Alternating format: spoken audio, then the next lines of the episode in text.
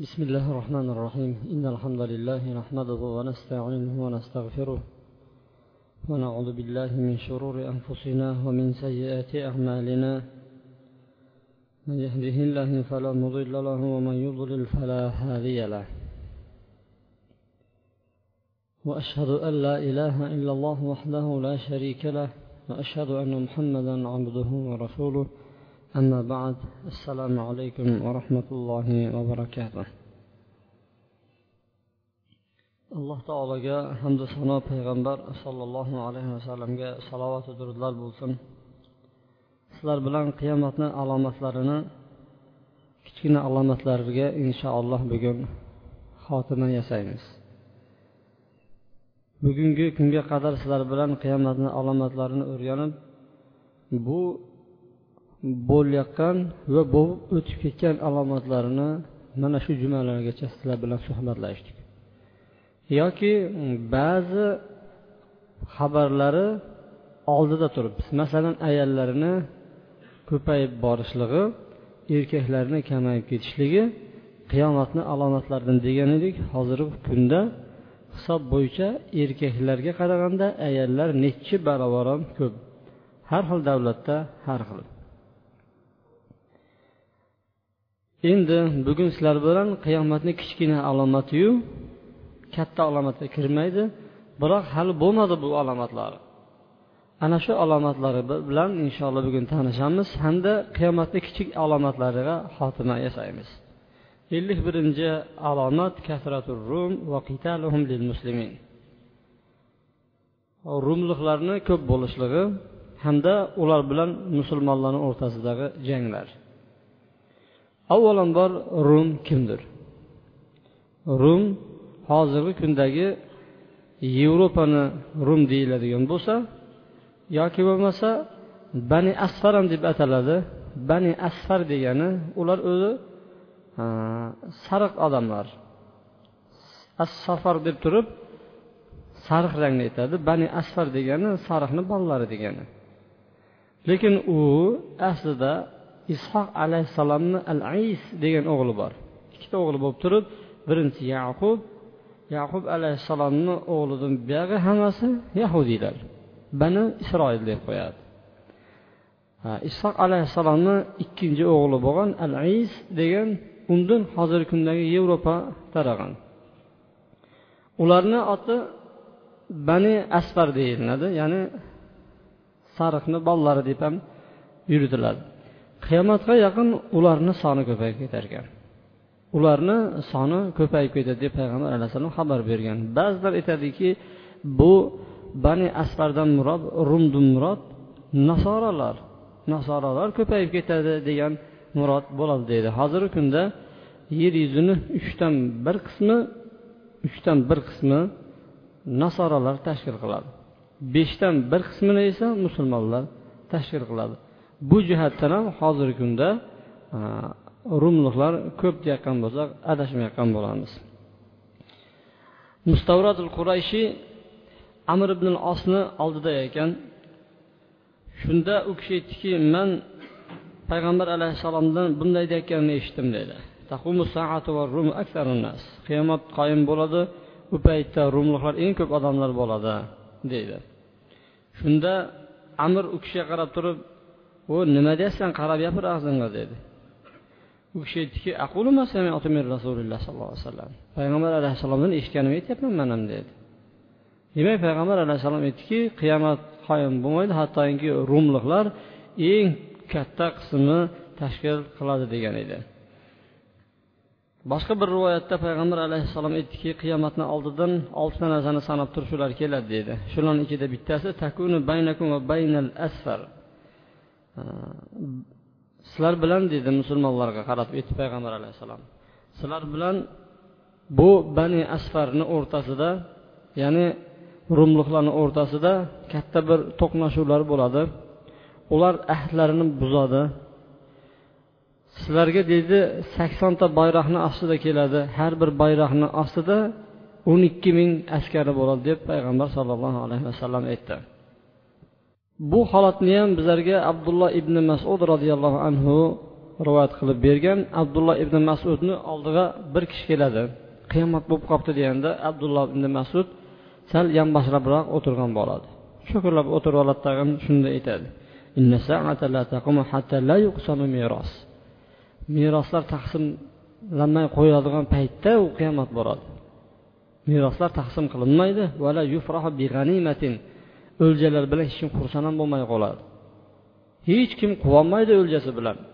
Qiyomat ana shu paytda bo'ladi deb abdulloh ibn masud javob berdi. Keyin aytdiki qo'llarini bundaq sham tarafga qarab turib burdi tag'in bu tomonda dushman to'planadi dedi. Bu tomonda musulmonlarga dushman to'planadi shu tomonda musulmonlar dushmanga ular to'planishadi dedi shunda rumliklarni aytyapsizmi? deganda payg'ambar sallallohu abdulloh ibn masud ha dedi. Ularni o'rtasida judayam qattiq jang bo'ladi. Ularni o'rtasida qattiq urush bo'ladi dedi. Musulmonlar o'zidan alloh shart qiladiki faqatgina o'lim bilan qaytamiz deb turib shart qo'yadi. Ikkalalarni o'rtasida judayam qattiq jang bo'ladi o'rtasini tun bo'lib qo'yadi. Bular ham g'olib bo'lmasin ular ham g'olib bo'lmasin orqasiga qaytadi. Shartlari ro'yobga chiqmaydi dedi. Ertasi kuni musulmonlar boshqalardan shart qo'yadi. Faqatgina g'alaba bilan qaytamiz. Faqat oldimizda g'alaba deydi jang bo'ladi juda qattiq jang bo'ladi o'rtasini tun bo'lib qo'yadi. Bular ham g'alaba qozonmaydi ular ham g'alaba qozonmaydi. Xullas kalam mana shu narsa uch marta takror bo'ladi. To'rtinchi kuni ham musulmonlar mana shunday shartni oldilariga qo'yadi. Faqat g'alaba bilan qaytamiz deb turib oldiga qattiq shartlarni qo'ygandan keyin bunaqa hali unaqa jang bo'lmagan deydi. Yoki bir rivoyatda hali jangni unaqasi ko'rilmagan hattoki osmondan uchib ketayotgan qushlar ham bu jangni qattiqligidan qulab tushaverar ekan shunaqa qattiq bir jang bo'lib turib alloh subhanava taolo musulmonlarga g'alaba beradi to'rtinchi kuni. Ular mana shunday g'animatlarni bo'lay deb bilib yoki bir meroslarni taqsimlash bilan qaysi bilan xursand bo'lishini bilmay turgan paytda ya'ni oldida meros turibdi hamda g'animatlar turibdi. Shuni qay biri bilan xursand bo'lishni bilmay qolgan bir paytda bir ovoz eshitiladiki bu ovoz inna dajjal qad xalafakum fi zararikum. O dajjol chiqdi. O zurriyatlaringizni ortingizda qolib ketganingizda shaxsni dajjal chiqib qoldi deganda ular qo'ldagi hamma narsani tashlab turib o'nta otliq chavandasini yuboradi dedi payg'ambar alayhissalom. Aytdiki payg'ambar alayhissalom men ularni ismlarini ham bilaman otalarini ham ismini bilaman otlarini rangini ham bilaman ular ana shu kundagi chavandozlarni eng yaxshisi bo'ladi deb payg'ambar sollallohu alayhi vasallam marhamat qildi. Demak bu jang hali bo'lgan emas. Bu qiyomat soatidan oldin bo'lishligini payg'ambar sollallohu alayhi vasallam xabar berib turibdi. Qayerlarda qaysi shaharlarda bo'lishli ham ba'zi bir hadislarda kelgan. Ana undan keyin musulmonlar qostantiniya degan shaharni fath qilishadi qustantiniyani bilasizlarmi qayerdaligini qayerdan konstantinpol hozirchi istanbulni keyin musulmonlar fath qilishadi payg'ambar sollallohu alayhi vasallam bu haqida xabar bergan سمعتم بمدينة جانب فيها في البر وجانب منها في البحر bir cheti quruqlikda ikkinchi bir yoni bir dengizda bo'lgan shaharni eshitganmisizlar? dedi payg'ambar sollallohu alayhi vasallam abu hurayrani rivoyatlaridan. Ular ha biz eshitganmiz dedi. Payg'ambar alayhissalom aytdiki la taqumu saatu hatta sab'un min bani ishoq bani ishoq farzandlari dedi ya'ni ishoq alayhissalomni farzandlari ana shu shaharga yurish qilmaguncha dedi qiyomat bo'lmaydi dedi. Ular keladi kelgan paytlarida qurol bilan urushmas ekan o'q yoylarni otishmas ekan balki la ilaha illalloh vallohu akbar deb turib hayqirar ekan har bir hayqirgan paytda bitta devori qulab tushaverar ekan. Ularni hasr qiladi ya'ni qamal qiladi. Qamal qilgan paytda ana shu ishoqni farzandlari la ilaha illalloh vallohu akbar degan paytda bir tarafdagi devori qulab tushib turib keyin musulmonlarga u yo'l ochilib turib ular g'animatlarni o'ljalarni bo'lamiz deb turgan paytda bir qichqiriq keladiki dajjol chiqdi endi degan xabarni eshitgan paytda ular qo'llaridagi bar narsani tashlab turib qaytib ketishadilar deydi. Savol tug'iladi. Payg'ambar sollallohu alayhi vasallam aytyaptiki qo'stantiniya ochiladi dedi. Qo'stantiniya ochilmaganmidi hali? Payg'ambar alayhissalom qo'stantinaga bo'lgan unga bo'ladigan yurishlarni oldindan xabarini aytib ketgan edi. Qo'stantiniyaga birinchi jang qiladigan kishilarni gunohlari kechiriladi. Amiri ham va askarlar lashkarlari ham kechiriladi. U amiri ham qanday yaxshi odam va askarlarni o'zi ham qanday yaxshi odam degan edi. Sahobalarni davrida yurishlar bo'lgan paytda ularga nasib qilmaydi va undan keyingi kelgan xalifalar ham konstantiniyaga yurish qiladi lekin ochilmaydi ya'ni fath qilisholmaydi u yerni. Faqatgina sulh qiladiki mayli masjid quraqanglar deydi. Masjid quraqanglar deydi. Sakkiz yuz ellik yettinchi hijriy sanada esa muhammad fatih degan kishi ya'ni usmoniylarni avlodiga mansub bo'lgan turk qabilalaridan bo'lgan usmon fatih u joyni ochishlikqa muvaffaq bo'ladi. U joyni ochgan paytda jang bilan ochadi qurol bilan ochadi. Lekin bu hadisda kelgani hali sizlar ochasizlar degani hali bo'lgan emas bu. Qanday bo'ladi qay holatda bo'ladi biz buni bilmaymiz. Payg'ambar sollallohu alayhi vasallam aytgan qurol bilan ham ochilmaydi u yer deydi. O'qya ham otilmaydi. Faqatgina takbiru tahlillar bilan la ilaha illalloh allohu akbar kalimalari bilan u yer fath bo'ladi deydi.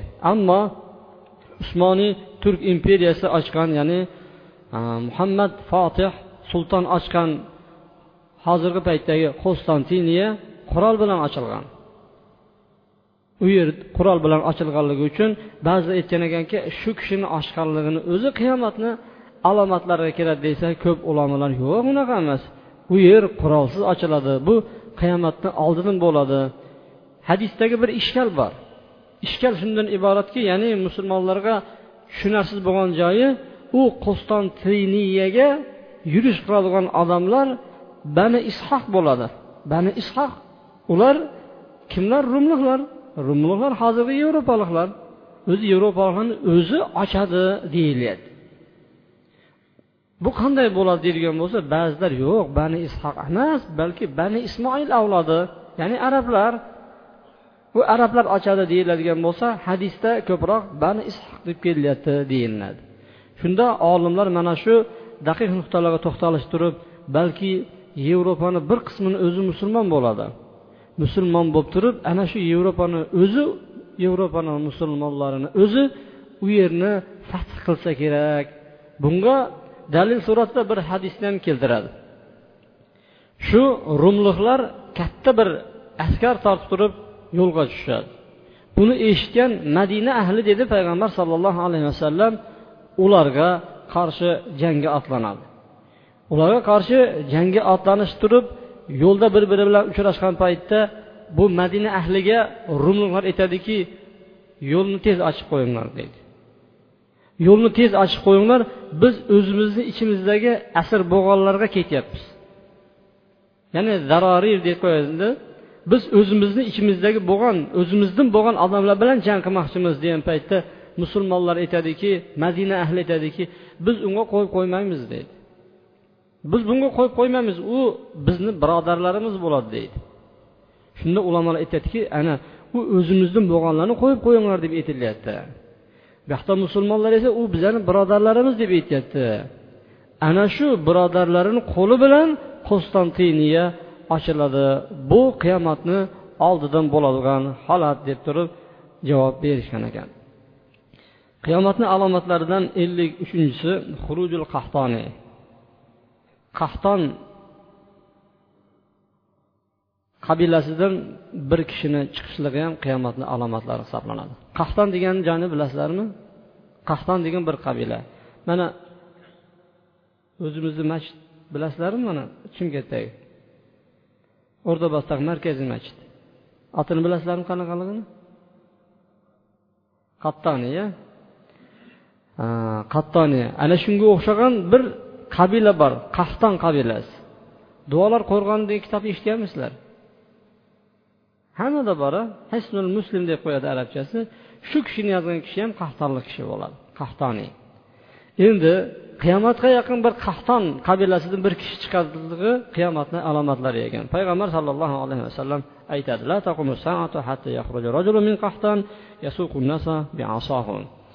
qiyomat qoyim bo'lmaydi hattoki qahton qabilasidan bir kishi chiqib o'zini asosi bilan odamlarni haydab yuradi dedi. O'zini asosi bilan haydab yurmaguncha qiyomat qoyim bo'lmaydi dedi. Bu nimaga dalolat qiladi? Asosi bilan degani ishni judayam mukammal olib boradi degan ma'noga hamil qilishgan.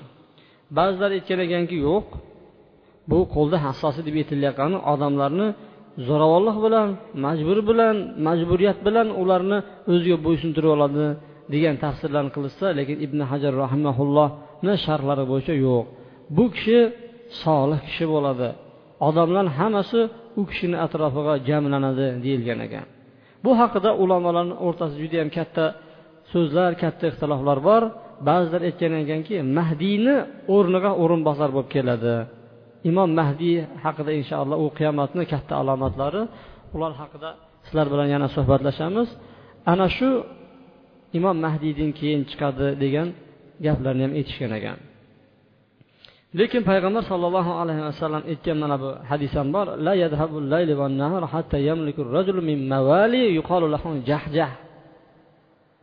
Qiyomat bu tun bilan kun ketmasin hattoki qullardan bir bo'lgan qullar qul bo'lgan bir odam podsho bo'ladi degan ekan. Ko'p joyni egallab oladi uni oti jahjah bo'ladi degan ekan. Ba'zilar aytgan ekanki mana shu jahjah bilan qahtondan chiqadigan kishi ana shu deyilsa yo'q qahtondan chiqadigan uni nasabi kimligi ma'lum qul emas u u hur. Ammo bu jahjah ismli kishi esa qiyomatni oldidan chiqadigan u boshqa odam hisoblanadi. Qiyomatni alomatlaridan ellik to'rtinchi alomat. Bu yahudiylar bilan bo'ladigan jang. Ma'lumki payg'ambar sollallohu alayhi vasallam madinaga kelgan paytda madinada ham arablar ham yahudlar yashardi. Yahudiylarni vatani o'zi madina emas edi. Faqatgina yahudiylarni ko'p surgunlar natijasida ular vatandan quvilganlaridan keyin kitoblaridan ko'rib bilib oxirgi zamon xaloskor bir payg'ambar keladi. Bu xurmozor yurtidan chiqadi. Deb turib izlab oxirida mana shu yasrib deb turib payg'ambar alayhissalomni chiqishi uchun uni kutib olishlik uchun ular yasribga keladi. Yasrib hozirdagi madina shahri hisoblanadi. Payg'ambar alayhissalomni kutib ana shu yerda ular o'tiroq xalqlarga aylanadi. Lekin payg'ambar sollallohu alayhi vasallam kelguncha ular buzilib ribo bilan shug'ullanib turib alloh subhanava taolo bergan tavrotni buzib ahdlarniga vafo qilmagandan keyin mana shunday bir davrda payg'ambar alayhissalom chiqadi. Payg'ambar alayhissalom ularni haqqa da'vat qiladi. Ular berkitgan ko'plagan narsalarni payg'ambar sollallohu alayhi vasallam ochib beradi alloh subhanava taolo qur'oni karimda ularni nayranglarini firibgarlarini hammasini oshkor qilib tashlaydi. Keyin payg'ambar alayhissalomga ular adovat dushmanchiligini qo'zg'ab turib payg'ambar alayhissalomga qarshi janglar olib boradi. Payg'ambar sollallohu alayhi vasallam ularni bilan jang qiladi. Hamma ishni o'zlari boshlaydi. Ahdga o'tirib ahdlarni buzishadi. Musulmonlarga ko'p zararlar yetkazishadi. Musulmonlarni har xil fitnalarga solgandan keyin payg'ambar alayhissalom ularni uchta qabilani egaydi. Ba'zilari bilan surgun qildi ba'zilari tashlab chiqib ketishdi ba'zilari jang qildi. Xullas payg'ambar sollallohu alayhi vasallam aytgan ediki bu arab jazirasida bitta musulmondan boshqa hech kim qolmasin. Hech kim kofir yahudiy nasroniy barini chiqarib yuboringlar deb tayinlab ketgan edi. Payg'ambar alayhissalomni o'zi bir qanchasini chiqarib yuborgan edi va umar ibn hattob ularni keyin arab jazirasidan chiqarib tashlaydi arab jazirasini chiqargan paytda qayerda joylashgan? Xuddi shunaqa joydan boshqa shamlardan joy beradi. Xurmozorni ichida yashayotgan bo'lsa xurmo joyga ko'chiradi. Uyi suvliq joyda bo'ladigan bo'lsa suvliq joy beradi. Hozir aytgandek palivnoy bo'lsa поливной yerga tushiradi bagarniy bo'lsa bagarni yerga tushirib boshqa yoqqa ko'chirib beradi umar ibn hattob va mana shunday holatlarda payg'ambar sollallohu alayhi vasallam aytdiki hali musulmonlar bilan bu yahudiylarni o'rtasida katta janglar bo'lishini oldindan aytib ketgan edi. Musulmonlar dedi payg'ambar alayhissalom baytil mahdisni baytil mahdis masjidil aqso hozir falastinni qamal qilishadi. Qattiq larzaga keltirishadi. Keyin alloh subhanava taolo ularni askarlarini halok qiladi. Halok qilgan paytda keyin u daraxtlarni ostlari ham hattoki hamma narsa ochilib qolgandan keyin yahudiylar qochgandan keyin tosh bo'lsin daraxt bo'lsin hammasi aytarkanki ya mo'min ya muslim hada yahudiyun o'y mo'min o'y musulmon mana bu yahudiy bo'ladi hada kafirun bu kofirdir taala faqtulhu buyoqki o'ldir uni deb hammasi aytib turar ekan. boshqa hadisda payg'ambar alayhissalom mana bunday deydi la taqumu saatu hatta yuqatilul muslimunal yahuda فيقتلهم المسلمون حتى يختبئ اليهود من وراء الحجر والشجر فيقول الحجر أو الشجر يا مسلم يا عبد الله هذا يهودي خلفي فتعال فاقتله إلا الغرقد فإنه من شجرة اليهود qiyomat qoyim bo'lmaydi hattoki yahudiylar bilan musulmonlar jang qilmaguncha o'rtasida katta jang bo'ladi Musulmonlar ularni qatl qiladilar. Shunda hattoki yahudiylar daraxt bo'lsin tosh bo'lsin orqasiga o'tib bekitib oladi bekinib oladi. Shunda daraxt ham tosh ham gapirar ekan ey musulmon ey abdulloh mani orqamda turgan yahudiy buyoqki uni o'ldirgin deb aytib turar ekan. Faqatgina g'arqat ismli bir daraxt bor u bu gapni aytmas ekan. Payg'ambar alayhissalom boshqa hadisda aytdiki chunki u gapirmaydigan daraxt dedi boshqa bir rivoyatda mana bu rivoyatda esa chunki u yahudiylarni daraxti deydi. G'arqat ismli daraxt bu yantoqqa o'xshagan katta dumaloq dumaloq bo'lib o'sadigan o'simlikni aytadi tikanlik o'simlik. Ozgina bir gullab qo'yadi. Alloh subhanava taolo hattoki ularni mana shunday gapirtirib yuboradi bu holat qachon bo'ladi deydigan bo'lsa ba'zilari ikkinchi bir hadisga qo'shib aytgan ekanki bu iso alayhissalom tushadigan paytda. Musulmonlar mahdiy bilan birga namoz o'qib turgan paytda iso alayhissalom damashqdagi oq minoraga tushadi. Bu haqida batafsil inshaalloh kelasi jumalarimizda suhbatlashamiz. Musulmonlarni orqasiga o'tib iqtido qilayotgan paytda orqaga tisraladi imom mahdiy siz o'ting degan maqsad. U kishini o'tkazib yo'q man bunga buyurilmaganman sizlarni orqangizdan namoz o'qiyman deb turib imom mahdiyni o'zi namoz o'qiydi. Keyin dajjolni orqasidan borib eshikni ochgan paytda dajjol bilan birga yetmish ming yahudiy jamlangan bo'ladi. Hammasini qo'lida kuchli suratda qurollangan qurollari bo'ladi. Dajjol iso alayhissalom ko'rib xuddi tuz suvda eriganda erib qochadi. Shunda iso alayhissalom aytadiki mandan qochib qutulolmaysan chunki senga meni bir zarbam bordir deb turib dajjolni qatl qilish e, imkoniyatini alloh subhanava taolo iso alayhissalomga beriladi.